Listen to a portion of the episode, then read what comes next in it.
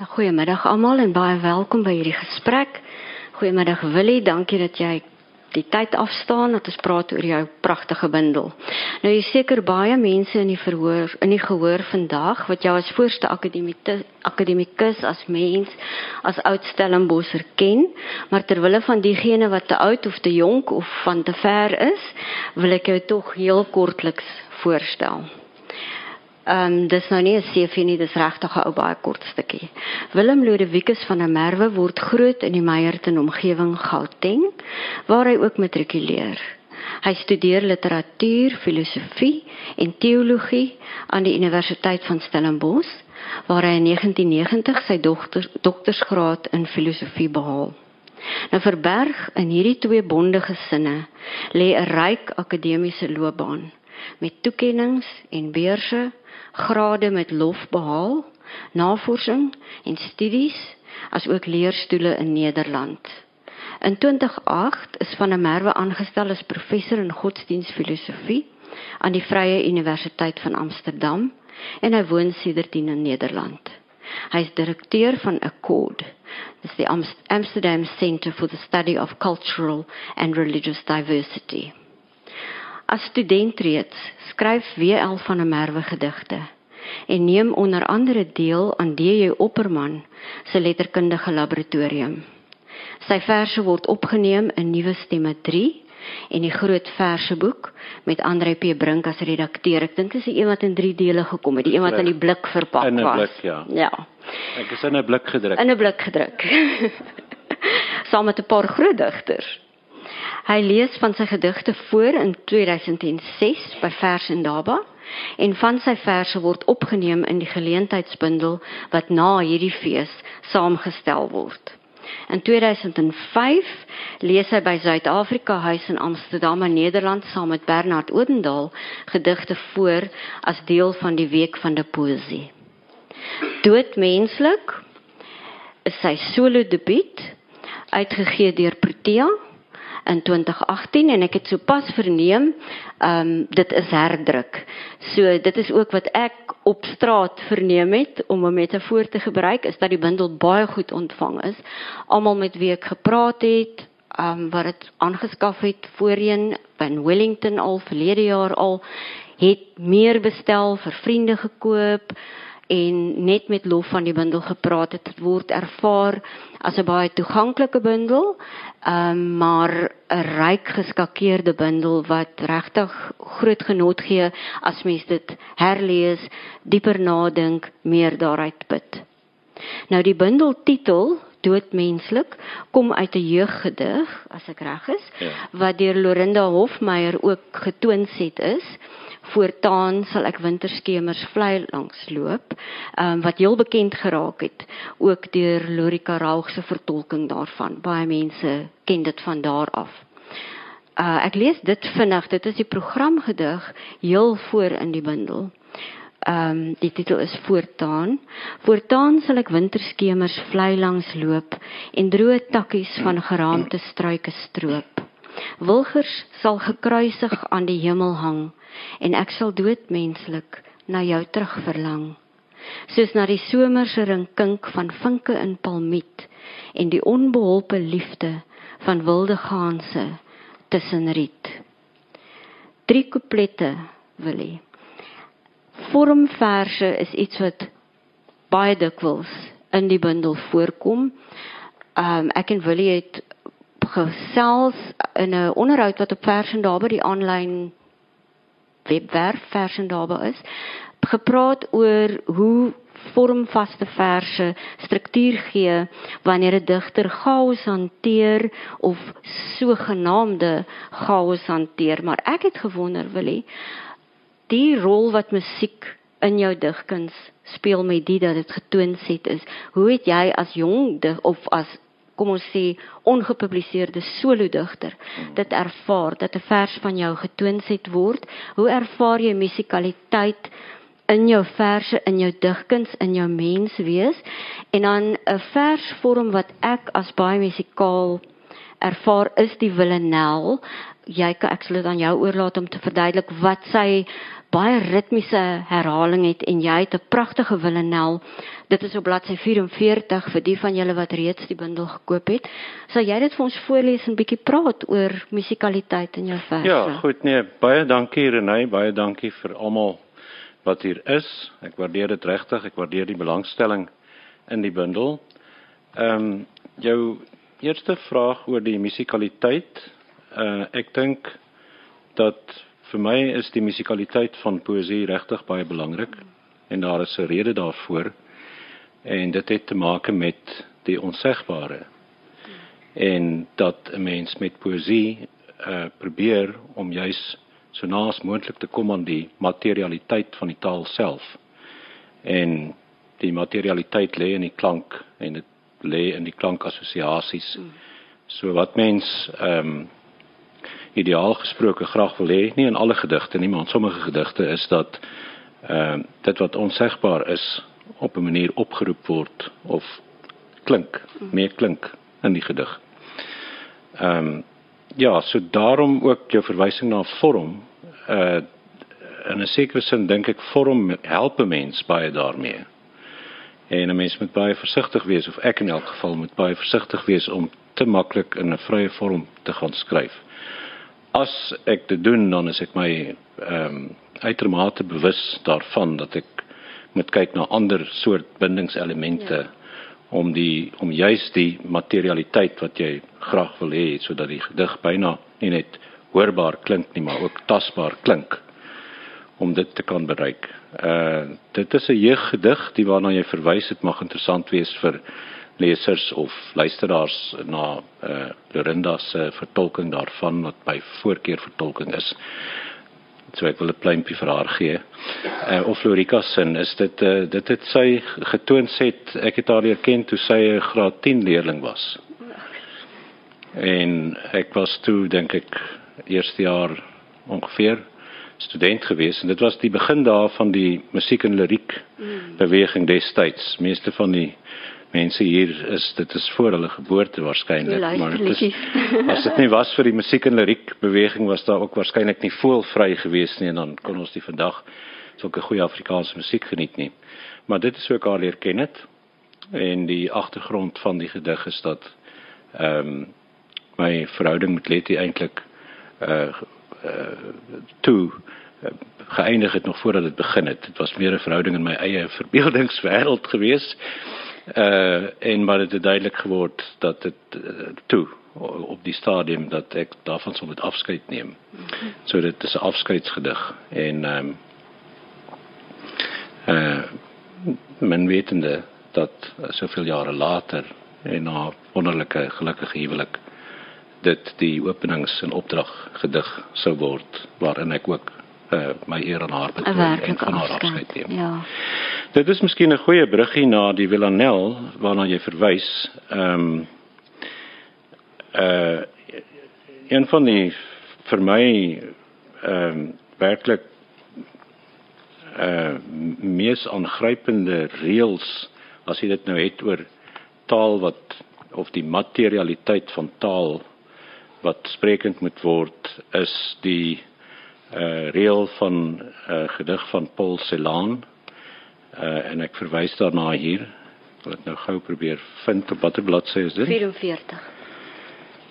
Ja, ek in vertaling is is dit ehm um, swart melk drink ons elke dag.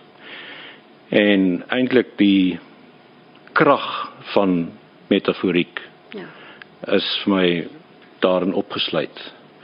Uh dit is 'n teenstrydigheid, goeie metafore werk met paradokse, werk met 'n paradoksaliteit. Onvergeetlik eintlik, ja. Wat te gelykertyd werk, die hmm. teenstrydigheid, meen melk is wit en kan nooit swart wees nie, ja. maar die teenstrydigheid werk.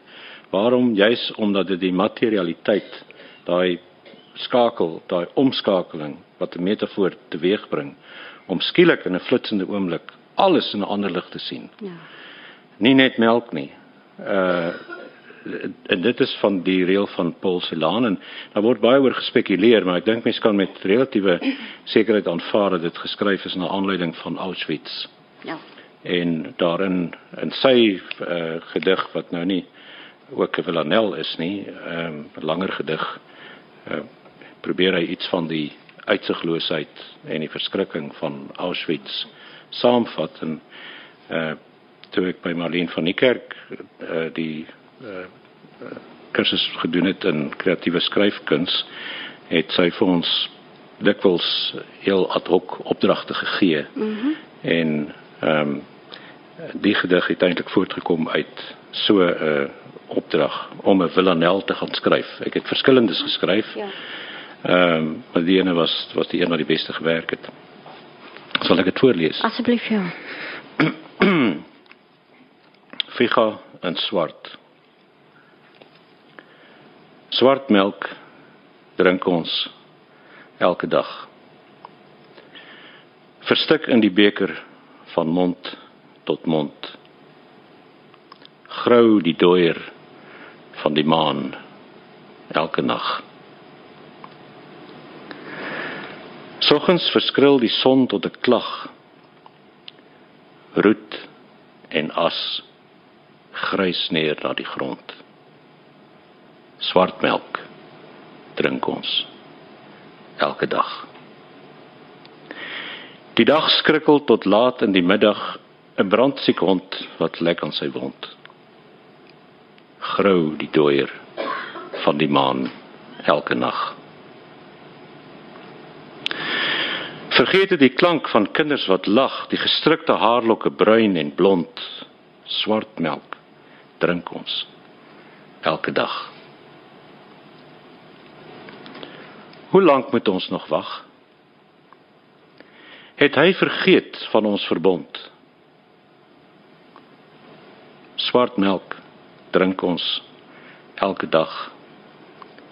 Dood die dooier van die maan elke nag. Dankie.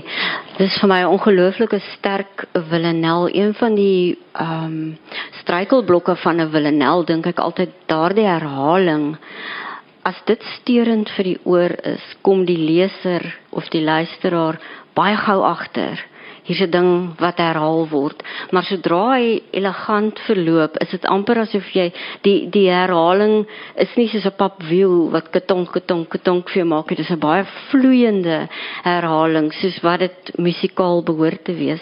En ek hou baie van die in ook omdat jy natuurlik baie vaardig al die grysse groue met sy dubbelbetekenisse van grawe en grou en so aan hmm. ingewerk het. Ehm um, ja, pragtig is 'n moeilike woord soos jy sê vir 'n baie swaar gedig. En ehm um, ek weet nie of jy iets wil sê, is dit iets wat getoon het sou kon word? Ek dink so. Die een van jou. Ek dink so en ek sou ja, daar. Ja. Uh ek nee, ek dink dat uh, dit sou mooi wees as mens kry veral in die Judaïsme en in die Joodse geloof uh, kry mens pragtige stukke wat deur die manne gesing word. Hmm. Uh byna inkantasies is. Ja. En uh ek dink dit sou mooi kon werk so iets. By die kantoor. Ja. Dit sing, ja. ja. Nou ja, kan sal ons spring van die ja. musiek ja. na die liefde. Voordat afskeide kom, is daar vele vorms en fases um, van liefde. Ek gaan nie of ons gaan nie in hierdie onderhoud ingaan op um verskillende soorte liefde en so nie. Um ek het gedink ons bly by die romantiese liefde. Die bundel is gebou, gestruktureer. Dit het 5 afdelings. Dit is duidelik afgebaken en ehm um, ek wou nie sommer net kronologies voor begin en dan werk ons deur hom nie. So ek het gedink ons begin met die laaste afdeling wat die liefdesverse bevat. Uh pragtige liefdesgedigte moet ek by sê. Die vreugde van lief wees word telkens uitgeleef. Jy het ook gepraat van die die materialisering en ek sien jy maak elke so daar is baie tassentuiglike beelde, baie sensueel, ehm um, baie eroties ook pragtige uh, liefdesgedigte wat op 'n baie sielvolle manier en dikwels ook met 'n ernstige toon ehm um, geskryf word maar dikwels ook prettig. Ehm um, ons tref humor aan. Ek het gedink dat ek 'n gedig lees bladsy 83 wat eintlik baie duidelik 'n manlike spreker het. Uh maar laat 'n vrou hom dan voorlees en dan wil jy as jy wil jouself gereed maak, wil ek graag hê jy moet na dit die gedig op bladsy 88 voorlees. Dit is finesse. Ehm um, maar ek sê net ietsie vra voor jy lees.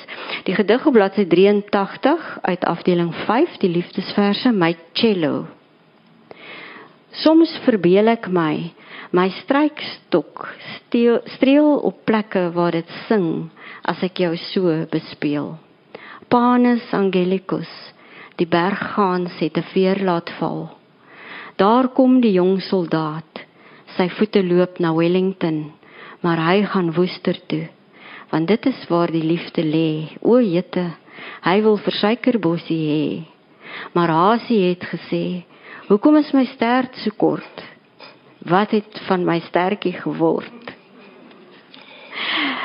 Jy het in 'n vorige onderhoud of gesprek van ons verwys na die liefdesverse in die bundel as die tipe crescendo van die bundel.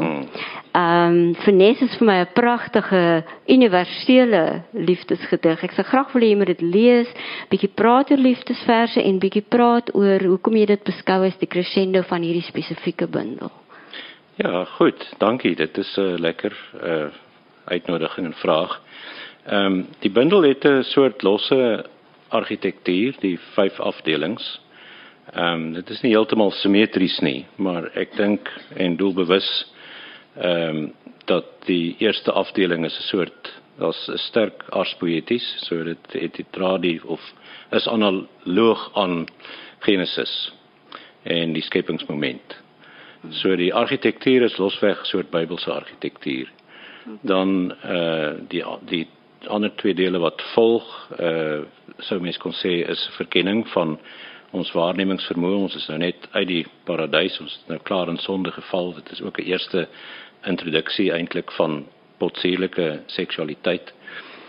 Uh en dan loop dit op na ehm um, opstand opstandsgedigte uh worsteling met God. So jy sou dit kon vergelyk met die plek van die psalms uh in die Bybel self. En dan ongeveer by afdeling 4 uh tref mense die prediker. En dit gaan oor begin en einde en lewe en dood, geboorte en dood en die oënskynlike fertiliteit, eh, te vergeefsheid uh, daarvan wat dan die ontsluiting vind in die laaste afdeling van die liefdesgedigte. So dit dit is die plek van die liefdesgedigte. Uh maar nie dat dit net die romantiese liefde ja. per se die die evangelie is nie, dit ook maar ek dink dat die liefdesgedigte ehm um, hoop ek slaag daarin om iets oor te dra van die sakramentaliteit van die alledaagse en dat uh, ja dit juis in die skoonheid uh, van al, al is dit uh, vir 'n groot deel 'n fertile of 'n te vergeefse hartstog maar dat ons die skoonheid wel kan beleef en by uitstek beleef ons dit in die liefde en by uitstek dan wanneer ons sterf in die liefde. Ja. Wanneer ons die klein dood beleef. Ek sien hier ek gaan finesse. Ek sien het, ja, ek sien ek het vir jou gesê 88, maar dit is ja, eintlik 82. Dit is bladsy 82 vind ek. Finesse. Mense is nie diere nie, my skat. Daarvoor die volgende bewyse. Diere paar net een seisoen per jaar, soos katte met aggressie en afgryse. Ons paar willekeurig wanneer dit ons pas met winter in Vladivostok of lente in Parys. Ons volg die loop van elke aar tot oor die kruis van elke skouer. Verby die ronding van 'n elmboog tot by die halfmaan van 'n dui word vir mekaar van voor af klei. Kyk oog in oog Ons pupille trek al nouer want ons weet hoe populêre herfs en dat sipresse op ons wag. So. Kom ons gaan vanaand oorboord soos diere. Maar dan met finesse. Dis pragtig.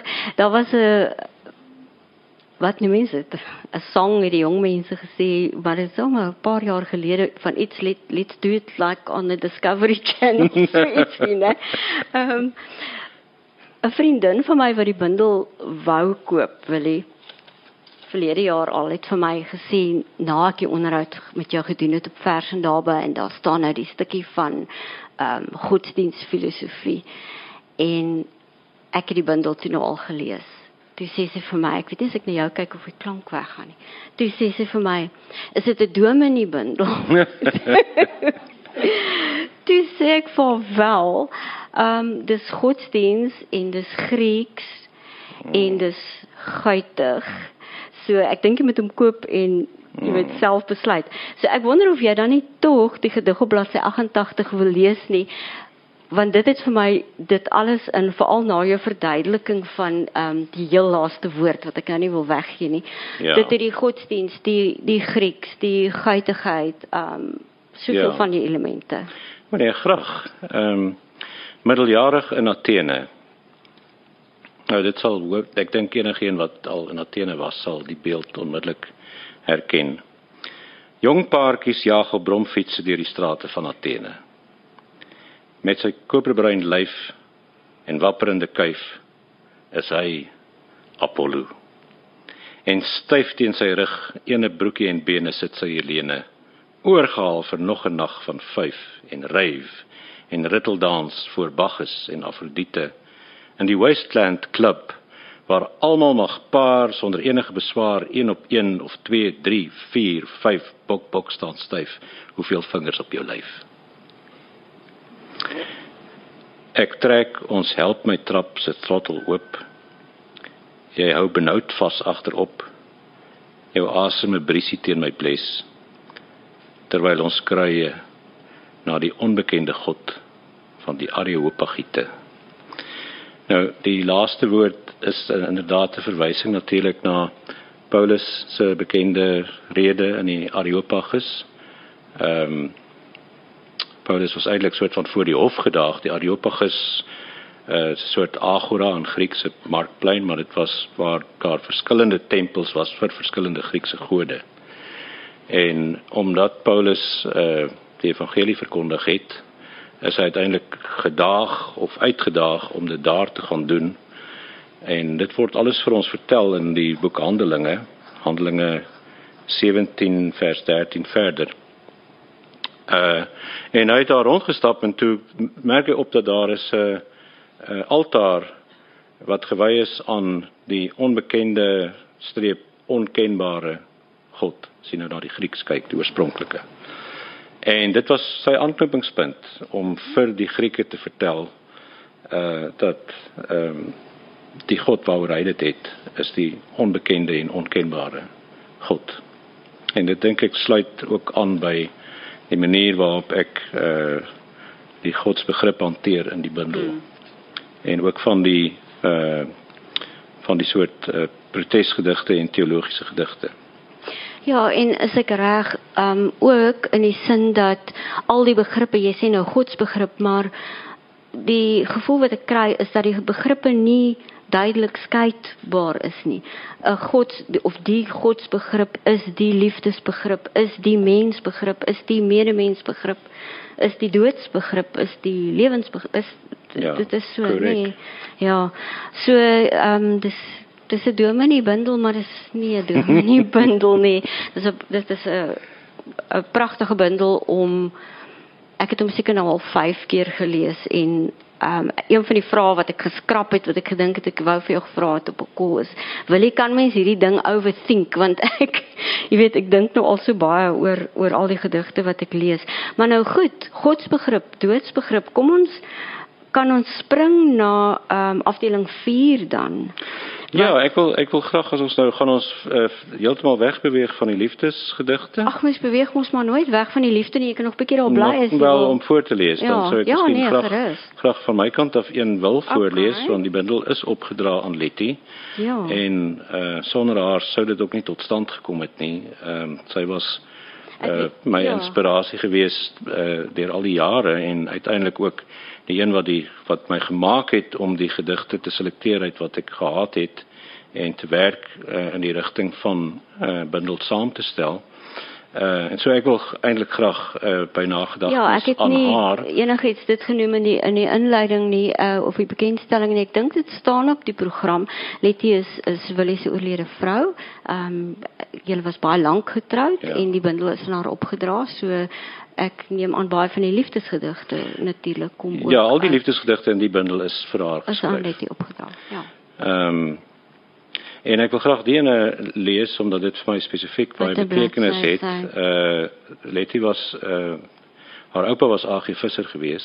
O ja. En ek het uh dikwels by tye parodieë geskryf op Visser se gedigte. O, dit was natuurlik bekend in die huis en en ook vir ja. die kinderpoesie, die kinders ons kinders mee opgegroei. Uh en hierdie is is dan een so parodie wat Visser geskryf het vir sy eggenote Letty uh die lesers van ouer Afrikaanse poesie waarskynlik verwar met Letitia, maar sy was eintlik Letty. Visser het dit verlatiniseer in van sy gedigte wat hy vir haar geskryf het. Dis bladsy 77. So hier het mens eintlik 'n soort uh ja, herhaling in die tyd uh en 'n parodie op meer as een vlak. En die gedig van Visser dink ek is baie bekend wat hy vir uh, Letty Visser geskryf het kom in my tuin waar donkerrooi rose duister geheime vertrou in die nag sovoorts. Myne gaan dan so kom in my tuin. Vissersin was kom na my tuin. Uh, ek maak daarvan kom in my tuin waar donkerrooi rose duister geheime vertrou aan die nag. Kom met jou bene wat toeval myne. Perskes en pruime en ryp appelkose proe ons vroeg in die dag. Pragtig. Baie ehm um, aardse beelde en sintuie in die, in die bundel. Wil jy nog een? Ek sal graag nog uh, nog een. Dit ja. is nou die geleentheid eh uh, wil lees. Ehm um, en dit dit is eh uh,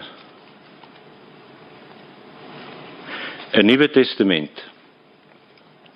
Jy is vir my 'n relikwie, die tweede tafel van die wet wat Moses uitgebuitel het uit die rots van Sinai. Jy mag nie egbreek pleeg nie. Nie onse gedagtes kry nie of jouself verbeel nie. Jy mag nie valse getuienis gee nie. Jy mag nie eens 'n ander huis, donkie, bees of hoer begeer nie. Van sulke gebooie spreek jou rug Maar as jy dan jouself ontklee, jou arms kruis, die bandjies losmaak van jou boostuk en dit afstroop van jou lyf, is dit dan nie 'n Nuwe Testament nie? As jy uitskulp uit jou broekie en jou kledui so argeloos laat val in 'n onskuldige klein hoopie. Ja, dan vra ek my af, is dit nie dalk sy onderkleed? Ek lag my dood vir die Romeine wat moes loetjies loetjies trek soos swyne.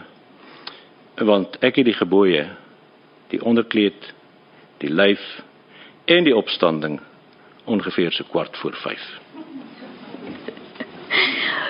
Dit weet jy voor ek spring dan na die ander goeie, te sê jy nou nog een wil lees, wil jy nie sommer nou praat oor die rol van humor en ironie in jou verse? Daar's soveel humor in die bundel en by wrangheid en donker temas dan hmm. slaan jy die leser met die humor. Ek is bly as dit oorkom as dit ja. as dit so oorkom want want anderster was dit 'n ja, verskriklike verskrikking van 'n bundel gewees. Uh en dit is sekerlik nie die bedoeling nie. Uh ek dink net dat ja, humor en ironie is vir my ontsettend belangrik. Hmm. En dit is ook uh en ek hoop dat dit dat lesers dit ook so beleef baie belangrik in die bundel die ironisering en die relativering van die uh verganklikheid van ons bestaan.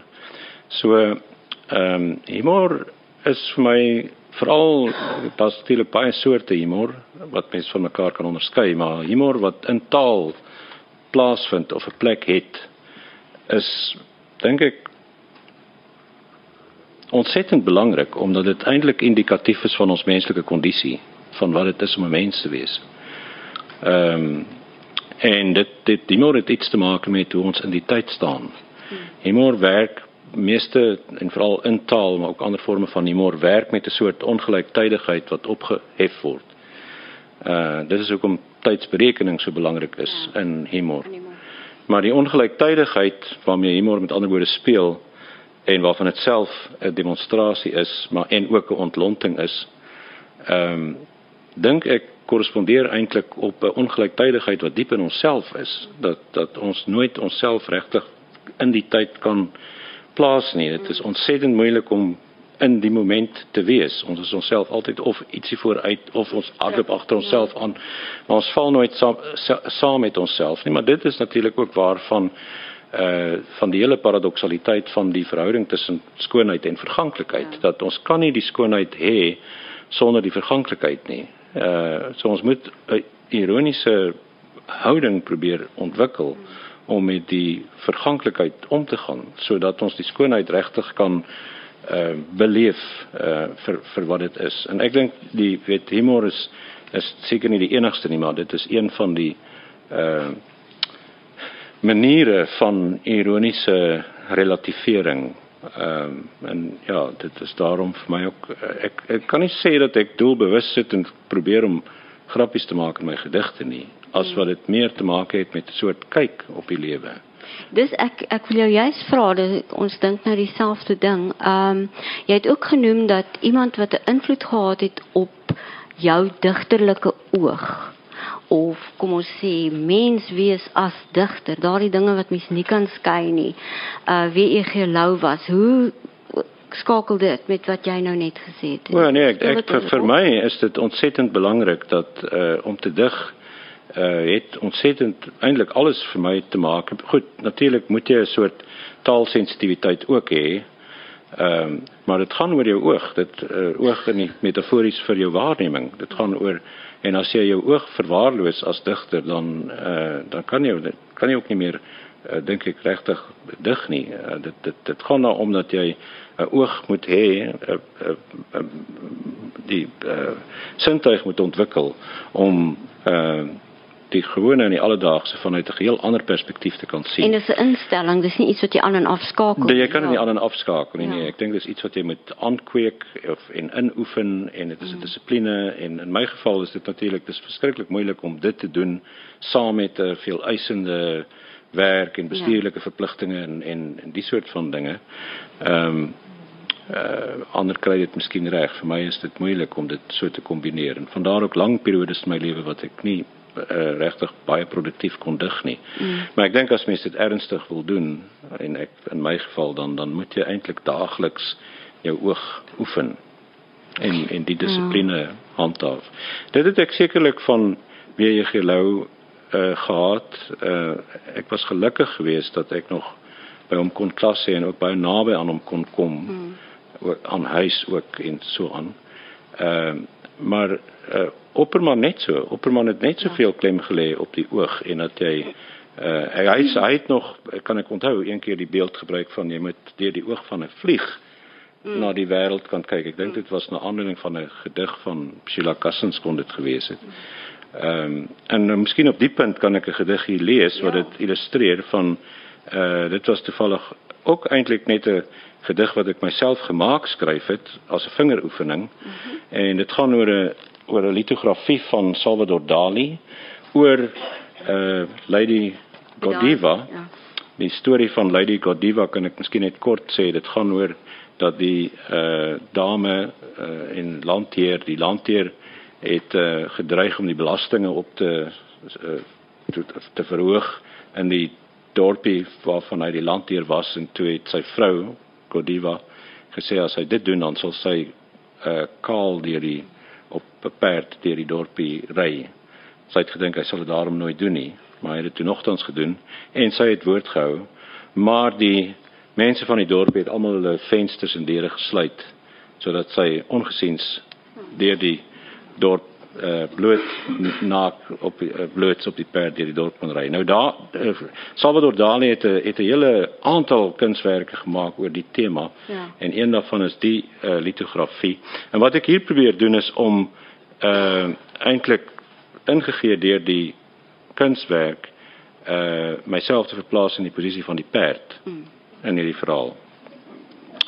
Sonder 'n draad of 'n sluier van kant ry my lady my bloots en wydsbeen op straat.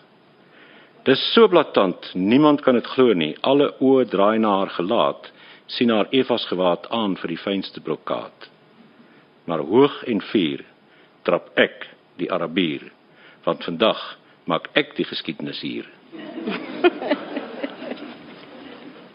Ja, ek dink Annesu de Vos het ook gesê, ehm um, jy weet hoe jonk sy was toe sy gedebuteer het, dat dit juis Opperman was wat vir haar gesê het dit is waar die gebed van die groen perske vandaan gekom het, dat sy die perske moet word en dink wat die perske voel en hoe die perske se praat. So ek sien dit is duidelike boodskap wat 'n digter maar goed na kan luister want dit lewer goeie gedigte.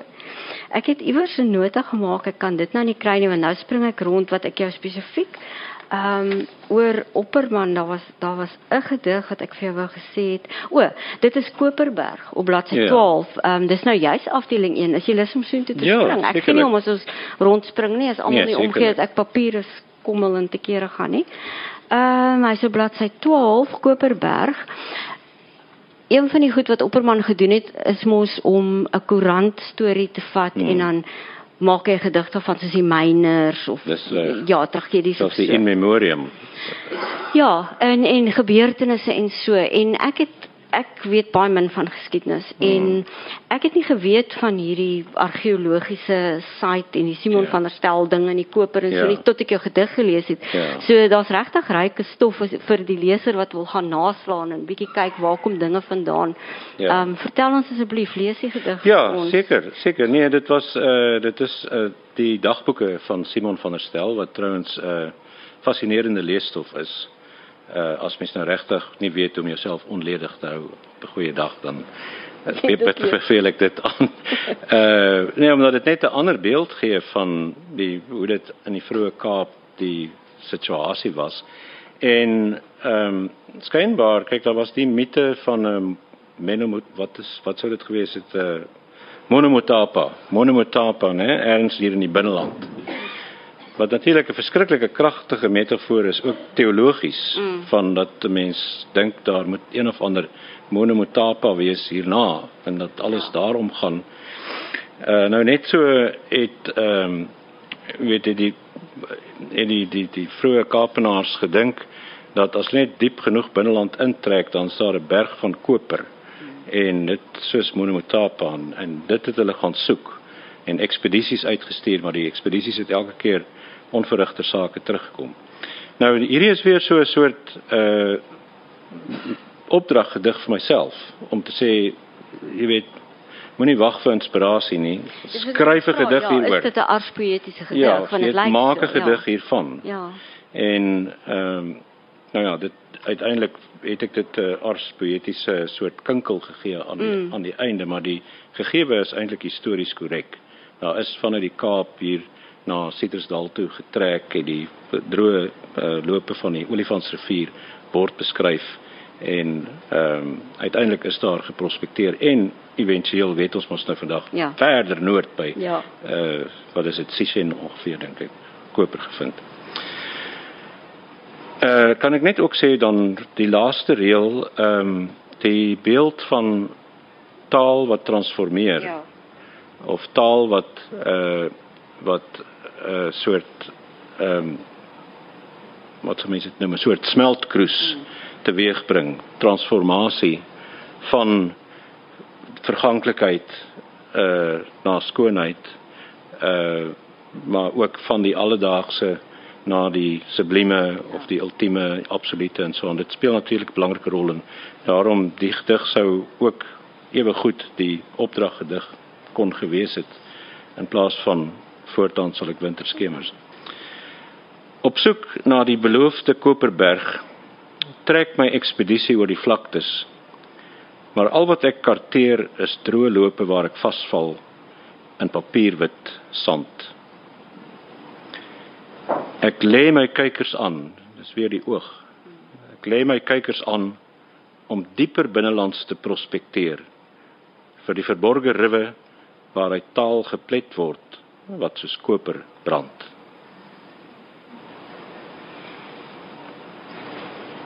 Nou gepraat van opsies, ek ek dink jy wil nog iets daar sê. Gepraat van opsies. Kom ons spring na die titel toe. Ehm um, ek is besig om te trek so my hele lewe is in sulke kartonbokse. Um en ek het net een woordeboek uit en toe kan hom kyk toe verskyn die woord doodmenslik glad nie in daai woordeboek nie. So ek weet nie of hy in ander verklarende woordeboeke is nie. Was daar ander opsies vir die bundeltitel? Wat het jy nog oorweeg? Praat 'n bietjie ja. oor doodmenslik, dood want dit is iets wat ons so almal praat van doodmenslik, doodnatuurlik. Ek het so 'n paar um doodgewoon, doodreg, uh, dooddollies, ja. jy weet. Ja. Ja. Ja, ek was nie eers bewus daarvan dat dit nie in die HAT is as 'n woord nie. Ek ken dit maar so uit die alledaagse omgang waarin ons uh, doodmenslik sê, veral van iets wat wat ehm uh, normaal is. Uh en ook eintlik om dit so klein bietjie te vergoeilik van ja, ja dis doodmenslik. Dit kan mens verwag van mense. Ehm um, laat ek eers sê daar was ander moontlikhede. Ek het oorweeg om voortaan uh die titel te maak van die bundel omdat voortaan het vir my die uh konnotasies van enerzijds uh iets wat verby is, iets wat afgesluit is uh en nou gaan het, gaan dit verder. Tegelykertyd ook voortaan kommunikeer iets van 'n verwagting van die toekoms, die toekoms wat nuwe moontlikhede gaan bring. Dis voortaan gaan dit anders wees ja. ensovoorts. Ehm um, ja, maar dit was nie dit het nie vir my die werk gedoen wat die titel moet doen nie, mm. nie genoeg nie. Ehm um, ek het lank gewerk met die werkstitel van beeldspraak. Dis die ook 'n vroeë gedig in die bundel. Uh maar ja, dit is dan nou regtig so oppermaniaans eintlik. Ja. Nee, en ja. 30ers agtig. Ja. 80ers agtig in Nederlandse konteks.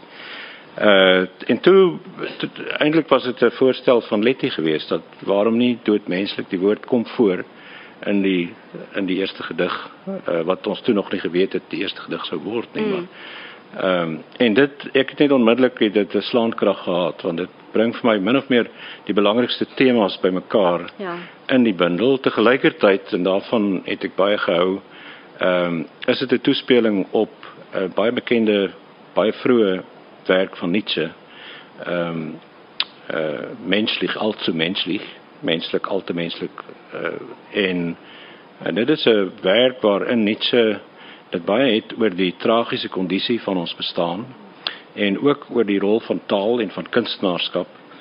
Uh die werk begin met 'n eerste afdeling. Dis alles aforismes. Hmm. Wat ek ook baie van hou want jy julle sal sien dat ek probeer ook die punt dig in 'n sekere sin weer te beoefen en ek weet nie of dit eh, of ek sou sê dit terugbring nie, maar dit ja. dit is iets wat vir my uh vir my nogal na in die hart lê. So die aforistiese soort poesie. Ehm um, en daarom het ek gehou van van die uh soort koneksie met Nietzsche maar ook inhoudelik omdat ek dink die bundel staan baie in die teken van uh wat Nietzsche bedoel het met nihilisme wat heeltemal nie ja. pessimisme is nie ja. maar wel 'n soort ehm um, gelatenheid oor dat die uitkoms van ons bestaan eintlik by voorbaat reeds bekend is. Mm. Naamlik dis die dood. Mm. En dat ons nie veel daaraan kan doen nie, maar dat ons dat dit gaan om hoe ons hoe, hoe ons 'n kunswerk maak van die lewe in hierdie lewe. So ek wou daai konnotasies van Nietzsche graag saam mm. weet inbring en dan uh ja, die idee van uh dis uh die menslike die die verband tussen verganklikheid en skoonheid het ek nou al genoem ja. maar ook die verband tussen die alledaagse doodmenslik die gewone dinge mm. en heiligheid of uh sakramentaliteit dan ensovoorts. Ja, en dat dit beslis menslik is om dood te gaan. Kan ons nou spring na die dood afdeling toe wat ja. uh bladsy het ek dit gehad. Ek weet ek wou gehad het jy met daardie gedig lees bejaarde ouers. Uh as ek net my notas kan kry, maar ek weet dit was 'n gedig geweest. Dan kan ek vir sê op watter bladsy. Ek het hom 63. Goed. Sal ek maar net lees. Asseblief. Ja, albei my ouers is al uh meer as 10 jaar uh, gelede oorlede. en dit was uh ons was vir lang tye in die buiteland gewees en dan kon ek hulle nie dikwels sien nie. Mm. En die gevolg is dat veral op 'n latere leeftyd as daar 'n lang periode verloop het wat mens mekaar nie kon sien nie, dan uh val dit natuurlik op. Ja. Uh as hulle aansienlik ouer geword het of nie goeie gesondheid uh, gehad het aan die einde nie. Bejaarde ouers soos pikkewyne stap hulle nou. Toets met elke tree 'n diep en donker see. Die waters het skynbaar 'n bekoring. Hulle soek die branding op. Dag na dag word opdrifsels versamel. 'n Skulp, 'n klip, soms 'n fonds, dryfhout van 'n skip. Ah, 'n kind kom op besoek. Ons groet mekaar. Sy is my ma. En haar was ek 'n seepertjie, nog vlees, nog vis. Geen verstand van wat die lewe is. Hy is my pa. Ek hou vas waar sy skouers was. Ja, soveel van ons vind aanklank daarbey.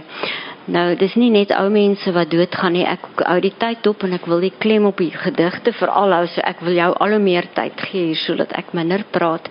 Ek hou baie van die wel hou van is moeilik met sulke hartseer gedigte, maar die ek kom ek noem dit 'n reeks um, met wat met miskrame en hmm. babas gaan ook dood, amper babas gaan ook dood. Wil jy wat wil jy vir ons lees? Wil jy oor ongeborene lees of wil jy wie was jy lees of wil jy albei lees? Uh ek sal ek dink ons het nog genoeg tyd. Ek sou graag wou ehm um, uh Miskraam 1 lees okay. omdat dit uh dink ek uh ja bladsy 59 juis ook weer 'n voorbeeld is van 'n vaste vorm gedig. Ja. En dit dit was oorspronklik eintlik 'n sonnet geweest, maar ek kon dit op die ount nie in die sonnetvorm heeltemal so reg kry nie. Miskraam 1. Dit gaan oor die sonar uh wat alle jong ouers natuurlik ken, die opgewondenheid waarmee dit gepaard gaan. Die sonar het 'n naghemel kompleet met donker maan en melkweg in die kleine in haar buik ontbloot. Asof geprikkel deur die radiosyne verskyn daar toe uit die niet lewensgroot en gloeiend die kop en stert van 'n komeet. Maar skaars 'n volmaan later sou ongesiens 'n ster verskiet versprokkel in die vrugwater tot gebluste meteoriet. Dit is baie oppermaniaans die gedig, weet ek self. So dis 'n Dis daarom nou nie altyd 'n aanklag nie. Nee, dit is nie nee. maar ek moes ek moes myself ook 'n bietjie bevry van te veel ja. op die manier skryf.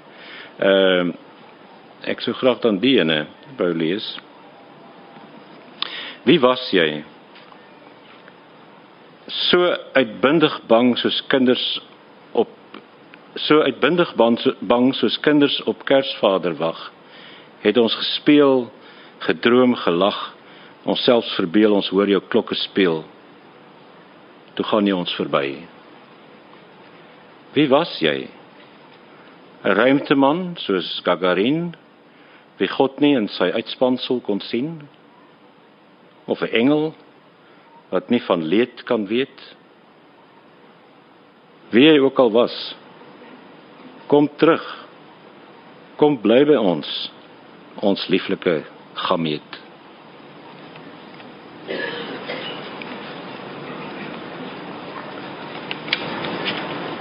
Kan jy ongeborene lees? Wil jy nie?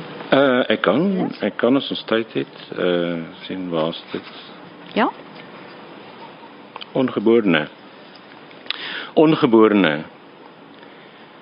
Ek is lief vir jou, my ongeborene.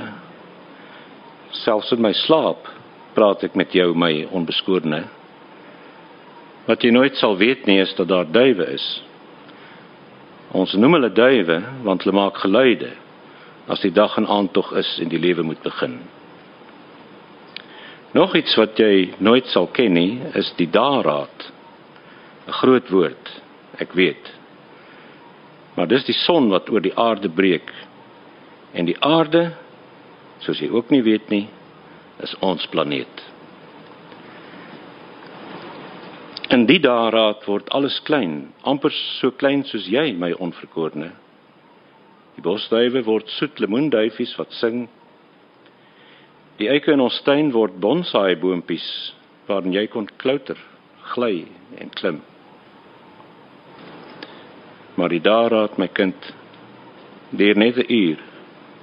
En ek en jy of jy en ek was te vroeg of te laat vir die son wat oor ons aarde breek. Ek volgens my is omtrent 10 minute oor. Ek en ons wil graag ehm um, vrae tyd gee. Die digter gesels graag met die gehoor. Ehm um, so ek weet nie voor ons spring want ons het nou nog glad nie gekyk na afdeling 3 wat soos jy gesê die opstandsgedigte ehm um, die afdeling waarna Shakespeare nou die verwys het as 'n byna toksiese godsbegrip. Ehm um, ek dink Joan Hambidge het ook na daardie gedeelte verwys toe sy gesê dit is 'n digter sonder oogklappe. Ek hou van die afdeling omdat die digter konfronteer die werklikheid, uh konfronteer soeke, konfronteer opstand. So ek weet nie of jy een van hulle wil lees en dan eindig ons dalk op 'n baie moeilike noot of is daar iemand wat al reeds vrae het vir Willie of 'n versoek vir iets om te lees?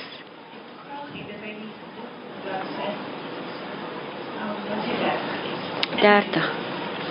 In Nederland. ek, ek praat Nederlands met 'n swaar Suid-Afrikaanse of Afrikaanse uh aksent. Maar ek kan uh, ek kan dit doen. De kleur van grys. Wy wandelde die hele dag onder lage wolke, onder tingetinte lug, van Scheveningen tot met Katwijk en weer terug. Wy wandelde die hele dag onder lage wolken langs de levenloze duinen, ruggen zonder ruggengraat, die dit land van grijsgroen plassen scheidt van de grijzere grijzen van de houtskoolenzee. Wij wandelen de hele dag, van Scheveningen tot aan Katwijk, en toen, op onze weg terug, brak er van achter het kaasdoek van de dag nog amper iets door van wat in een ander koninkrijk vermoeden van de zon zou zijn. Verkleuren de duinen, de hemel en de zee, van Scheveningen tot Katwijk, in één tafereel van grijs. Ek dink is 'n hele paar Nederlanders in die gehoor. Is daar nog versoeke of nog vrae? Dit is 'n versoekprogram. Ehm um, daar's 'n Engelse gedig, wil jy daai een van die treine en die tye. Ja. Running out of time. Daar is hy. Bladsy. sien nou dat jy nou veeltalig is. Ja. Wil jy nie blad, lees nie bladsy 73? Ja, seker, maar dit uh, ek Want daar's ek, nou weer humor. Ek praat Engels met 'n swaar Nederlandse aksent. A gifted man. ja, goed, dit is uh, geskryf vir twee baie goeie vriende. Ehm um, uh en ehm um, ja, goed, laat ek maar net lees. Nederlandse vriende, maar uh dit het in Engels na my toe gekom. So dit, dit is toe in Engels neergeskryf. Na 'n heerlike aand van gesellig saam eet en gesels oor baie dinge. Ek is so bly die bundel het die vryheid om al daai goeders toe te laat. Laat daar nie ja. daai hekkies was, weet, ja. van daai mag nou nie hier in wees nie. Daarvoor wil ek graag vir Anne Marie van Niekerk dankie sê. Anne Marie van Niekerk uh, woon in Nederland en is 'n goeie letterkundige en uh, sy was ook iemand wat my ontsettend aangemoedig het om te mm. publiseer. Mm. Uh en en van meet af aan het sy gesê dat ek hoef nie daaraan te dink om nie Nederlandse gedigte op te neem ja. of nie Engelse ja. op te nie. Running out of time. The last train was due at 12:15. We scoffed it off. Life is short. Night is keen. Once we are young, tonight 16. We cracked a joke, sipped more wine, passed the time, let God be God, be benign. We called his bluff 11:49. But then we had to run. 11:58. Time was running out. The train won't wait. We had to pull the loose ends straight. And so we did. Arm in arm, trousers rolled, feeling young, courting fate, being bold, running out of time, running for the train, hoping to be late, the race to be in vain.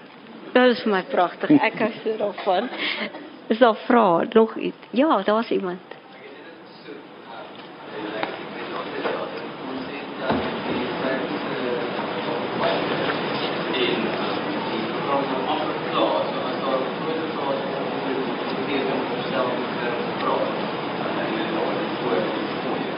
So ons is amper klaar. Ek ek het dan iets om te sê want ek weet die digter het 'n groot verrassing vir almal wat die moeite gedoen het om 'n kaartjie te koop. Vandag hy het 'n handgeskrewe gedig hier in sy besit wat niemand no, wel seker nie niemand nie, maar ja. die publiek nog nie gehoor ja. het nie. Goed. Ehm um. En ek bly hy het dit want ek wou hom gevra het wat nou verder? Wat nou na hierdie bundel toe spring hy my voor met 'n ongepubliseerde gedig. Ja, dit is nie 'n geheim meer nie. Ek trou die 30ste Maart. Nie net ek nie, ek trou met 'n bruid. Met 'n bruid. en sy is hier, sy sit hier voor Lucia Brand. En uh, uh ons het mekaar uh gevind na Letty se dood en toe het vir my duidelik geword het ehm um, dat dit hier gaan om liefde het ek eendag gesit en vir haar die gedig geskryf. Ons hoop as jy begin van nog baie. Dankie. Daar is nog meer, maar die printer het nie gewerk nie, so kon net hier vinnig met my hand oorskryf. My hart is 'n fladderende duif. Jy het my hart aangeraak. My hart is fladderende duif, misplaas, onvanpas. Paniek bevange teen die ruit en die ruit is my borskas, jy weet. Toe ek streel oor jou voorkop en jou slaape, het ek sagkens geloop met my vingers oor elke letsel en ledemaat. Eers met duimpie en toe met sy maat en toe met langeraad. Terstond het die duif genestel, grys en gespikkel, maar bronstig. En toe was dit te laat. Jou voorkop, jou mond, jou gelaat is 'n tempel die tempel van Salomo. Nee. Die Taj Mahal, 'n bedevaartsoord vir wie nie meer bid. Ons moet die duif laat vlieg. Hierdie hart van my moet vlerke kry. Hoe doen ons dit? Ag, dankie. Koop asseblief die bundel. Wil jy lees voor ehm um, wanneer ek dit neergeskryf by die digte? Dis môre middag 5uur. Môre middag 5uur. In die in die ATKV tent. So, as jy weer wil luister, kan jy bundels is buite, wil jy sal teken. Baie dankie, baie dankie aan almal wat kom luister. Die tyd vlieg. Ja. Dankie Willie. Dankie Renay, baie en dankie en dankie vir julle ek... belangstelling en aandag. Ek waardeer dit en ek is hier. Ek het niks verder aan nou nie as mense wil gesels of dat ek teken graag.